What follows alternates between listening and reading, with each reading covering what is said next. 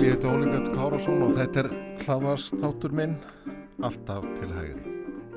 Og minni á hér í dag tók þingheimur ákvörðunum það að auka enn ójabræðið á milli ríkisútvarsins og engareikina fjölmiðla þegar að tekið var ákvörðunum það að hækka útvarskjaldið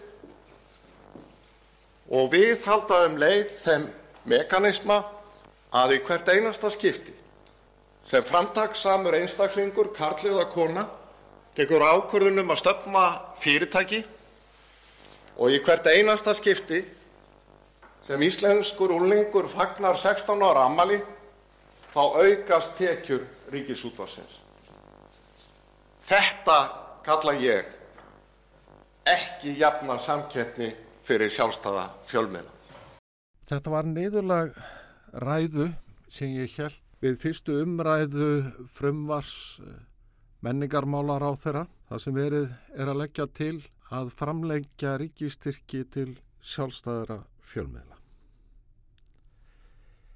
Það verður að segjast eins og er að hvorki mér nýja öðrum sem barist hafa fyrir hagfeldara umhverfi fyrir frjálsa fjölmiðla hefur orðið sérstaklega ágengt á síðust árum. Leikurinn er enn ójafn. Það er enn vittlust gefið og ef eitthvað er hefur hlutvarsleg yfirburða staða ríkisins á fjölmiðlamarkaði styrst á undanförnum árum. Lögvarinn forréttindi ríkisútvarsins gera það íll mögulegt að tryggja hilbriða samkeppni þar sem jafnræði og sangirni eru virt. Á sama tíma halda alþjóðleg stórfyrirtæki áfram strandtöki sínu, tæplega helmingur þess fjár sem vari var til byrtinga auglýsinga árið 2021 hér á landi, rann til erlendar aðila sangat útækt hagstofunar. Af 22 miljardar markaði runnu 9,5 miljardar til erlendar aðila, engum Facebook og Google, eða 44%. Árið 2012 var hluteld erlendra aðila í íslenska auðlýsingamarkaðinum réttum 4%. Sjálfstæðir íslenskir fjölmiðlar berjast í ójabri baratu. Annars vegar við ríkisfyrirtæki og hins vegar við alþjóðleg stórfyrirtæki. Laugjafinn hefur það í hendi sér að jafna stöðuna töluvert en gerir ekki. Laugjafinn mótar laugin og þær leikreglur sem er í gildi á hverjum tíma.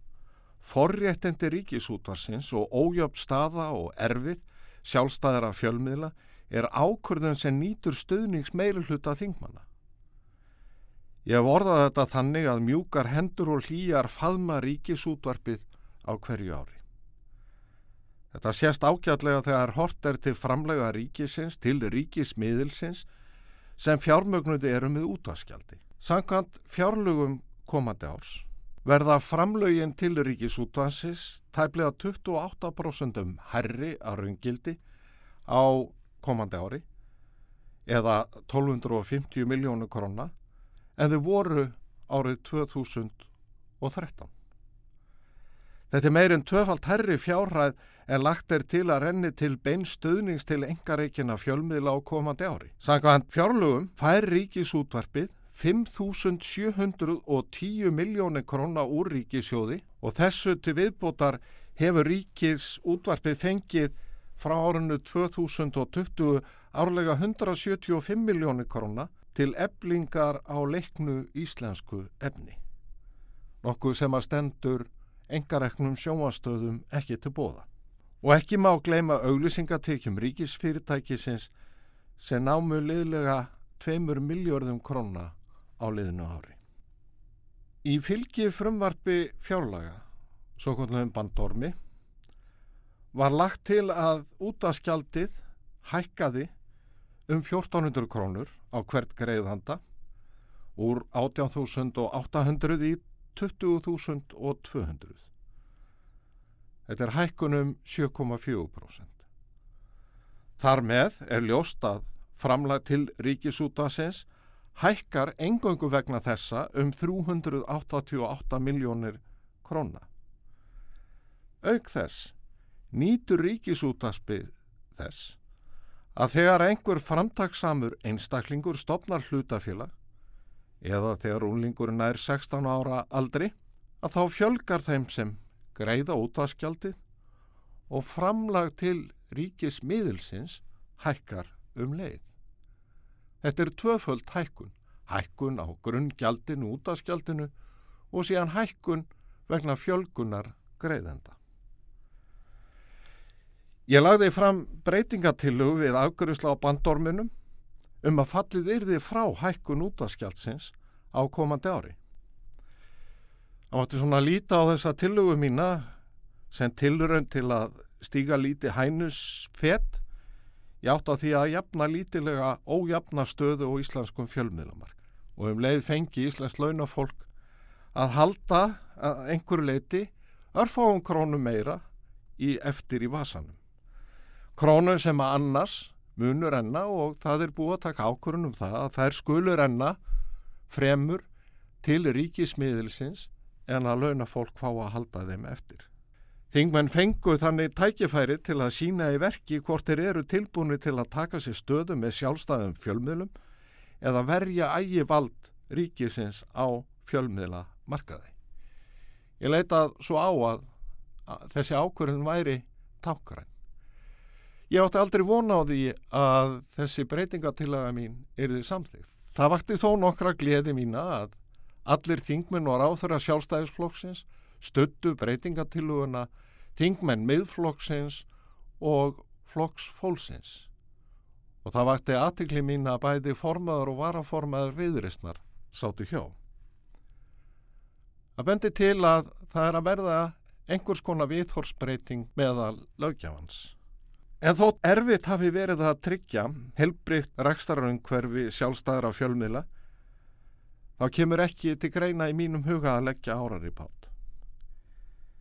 Í baráttu fyrir framgangi hugmynda, að ekki sé talað um baráttu fyrir tilvist öflugur af frjálsara fjölmiðla, er ekki aðeins nöðsynlegt að láta sig dreyma heldur neyta að gefast upp.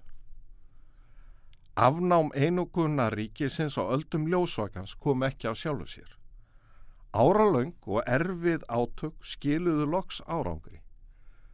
Nú vil enginn kannast við að hafa reynd að leggja steina í götur þess að enga aðilar gætu hasla sér völl í útvarpi og sjómarpi. Ég hef aldrei farið dullt með það að eiga mér þann drauma ríkið drægið sig með öllu út úr fjölmiðlarekstri. Það eru hins vegar litlara engar líkur á því að draumurinn rætist á komandi árum. Til þess er pólitíski varnarmúrin sem slegin hefur upp í kringum efstaleiti og þétt. Á meðan, svo er, verður að grípa til annara aðgerða til að byggja undir og tryggja rekstur sjálfstæðra fjölmiðla. Meilhutti Þingmanna veit að það er kolvittlust gefið á fjölmiðlamarkanum og er þess vegna tilbúin að veita engareknum fjölmiðlum beina styrki úr ríkisjóði. Mér líður stundum eins og við þingmenn séum að kaupa okkur álátsbrjöf með þeim hætti. Fríða samvinskuna en komast um leið hjá því að skera burt meinið. Skilvirkasta leiðin til að styrkja rekstarar umhverfi sjálfstæður af fjölmiðla er sérstuglækkun skatta samhliða því að draga ríkið að fullu út af markaði auðlisinga. Ég hef tvísvar lagt fram frumvarp um lækkun tryggingagjalds engareikin af fjölmiðla þannig að það leggist ekki á laun starfsmanna nema í efsta þrepi tekjuskats. Í greinagerð frumvarsins eru færður auk fyrir því að eðlegt sé að engareiknir fjölmiðlar njóti ákveðina skattalegra ívilnana en ekki ríkisfjölmiðl til að leiðrétta nokkuru það forskott sem ríkisreksturinn hefur í samkeppninni. Með því að fella niður tryggingagjaldið að hluta næst hlutvarslega samanlækkun á hvert fjölmiðl með að við launa kostnað. Skattalækkunin eða ívilnunin er þannig byggð á reksteri einstakra fjölmiðla og allir sitja við sama borð. Aðgerðin er að þessu leiti einföld og gagsæ og síðasta þingi laði ég fram frumvarp um að draga ríkisútarfi út af samkjöfnismarkaði í skrefum.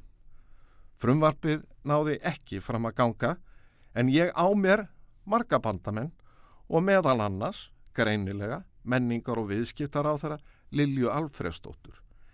Í sérstakuru umræðu um umhverfi fjölmiðla í marsíðasleinum saði ráð þeirra að ekki væri æskilegt að ríkisútvarpið sé á auglýsingamarkaði. Við verðumst einniga eiga samleið í því að huga sérstaklega skatta umhverfi fjölmiðla. Lilja Alfredsdóttir mælti fyrir frumvarfi eins og ég sagði hér áðan frumvarfi um framlengingu á ríkistyrkjum til engareikina fjölmiðla áður en gert var hlið á þingkaldi fyrir jólinn.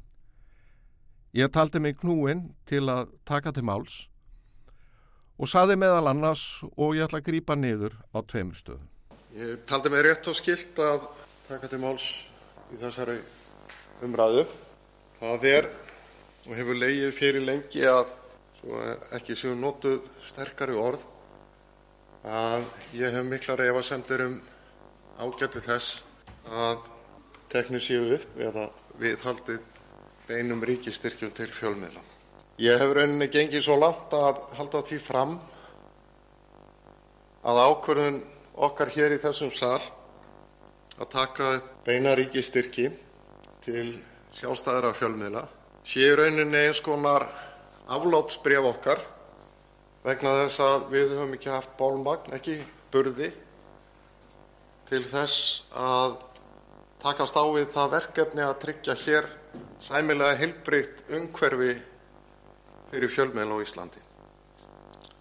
Við höfum ekki haft burði til þess að skapa hér jafnbræði á samkjöfninsmarkaði vegna þess að við höfum ákveðið með lögum að ríkið skuli njóta forréttinda og yfirburða stöðu í samkeppni við sjálfstæða fjölmiðla sem með tíð og tíma verða veikburðari í þeirri hörðu samkeppni.